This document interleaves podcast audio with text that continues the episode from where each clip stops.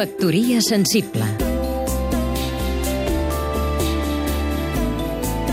Emili Rosales, escriptor i editor Gràcies a una iniciativa de l'escriptor i periodista de La Vanguardia, Sergio Vila San Juan, pren cos la idea que Barcelona opti a ser una de les ciutats literàries reconegudes per la UNESCO. Sens dubte, Barcelona no només reuneix les característiques per formar part d'aquest club, sinó que en pot ser un dels membres més destacats. Tant si ens fixem en la tradició llibresca com si ensenyim a la vitalitat actual, en el terreny de l'edició, de l'escriptura i de la projecció internacional, Barcelona és un clúster del llibre per excel·lència. Com a capital del llibre en català i centre d'irradiació d'una literatura que arriba a tot arreu, i com a punt neuràlgic dels principals grups que editen en castellà i que es compten entre els capdavanters mundials en qualsevol idioma,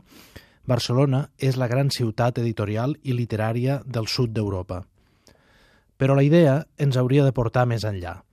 que la ciutat i el país aprofitin aquesta plataforma per projectar-se i per situar-se en eixos internacionals. Fa un parell d'estius, els organitzadors del Festival Literari de Melbourne m'explicaven que Austràlia, lluny de tot, ha escollit ser al món a través dels festivals de cinema, de música, de disseny, també de l'esport.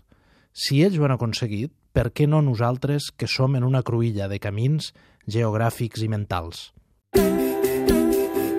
Factoria sensible Seguim-nos també a catradio.cat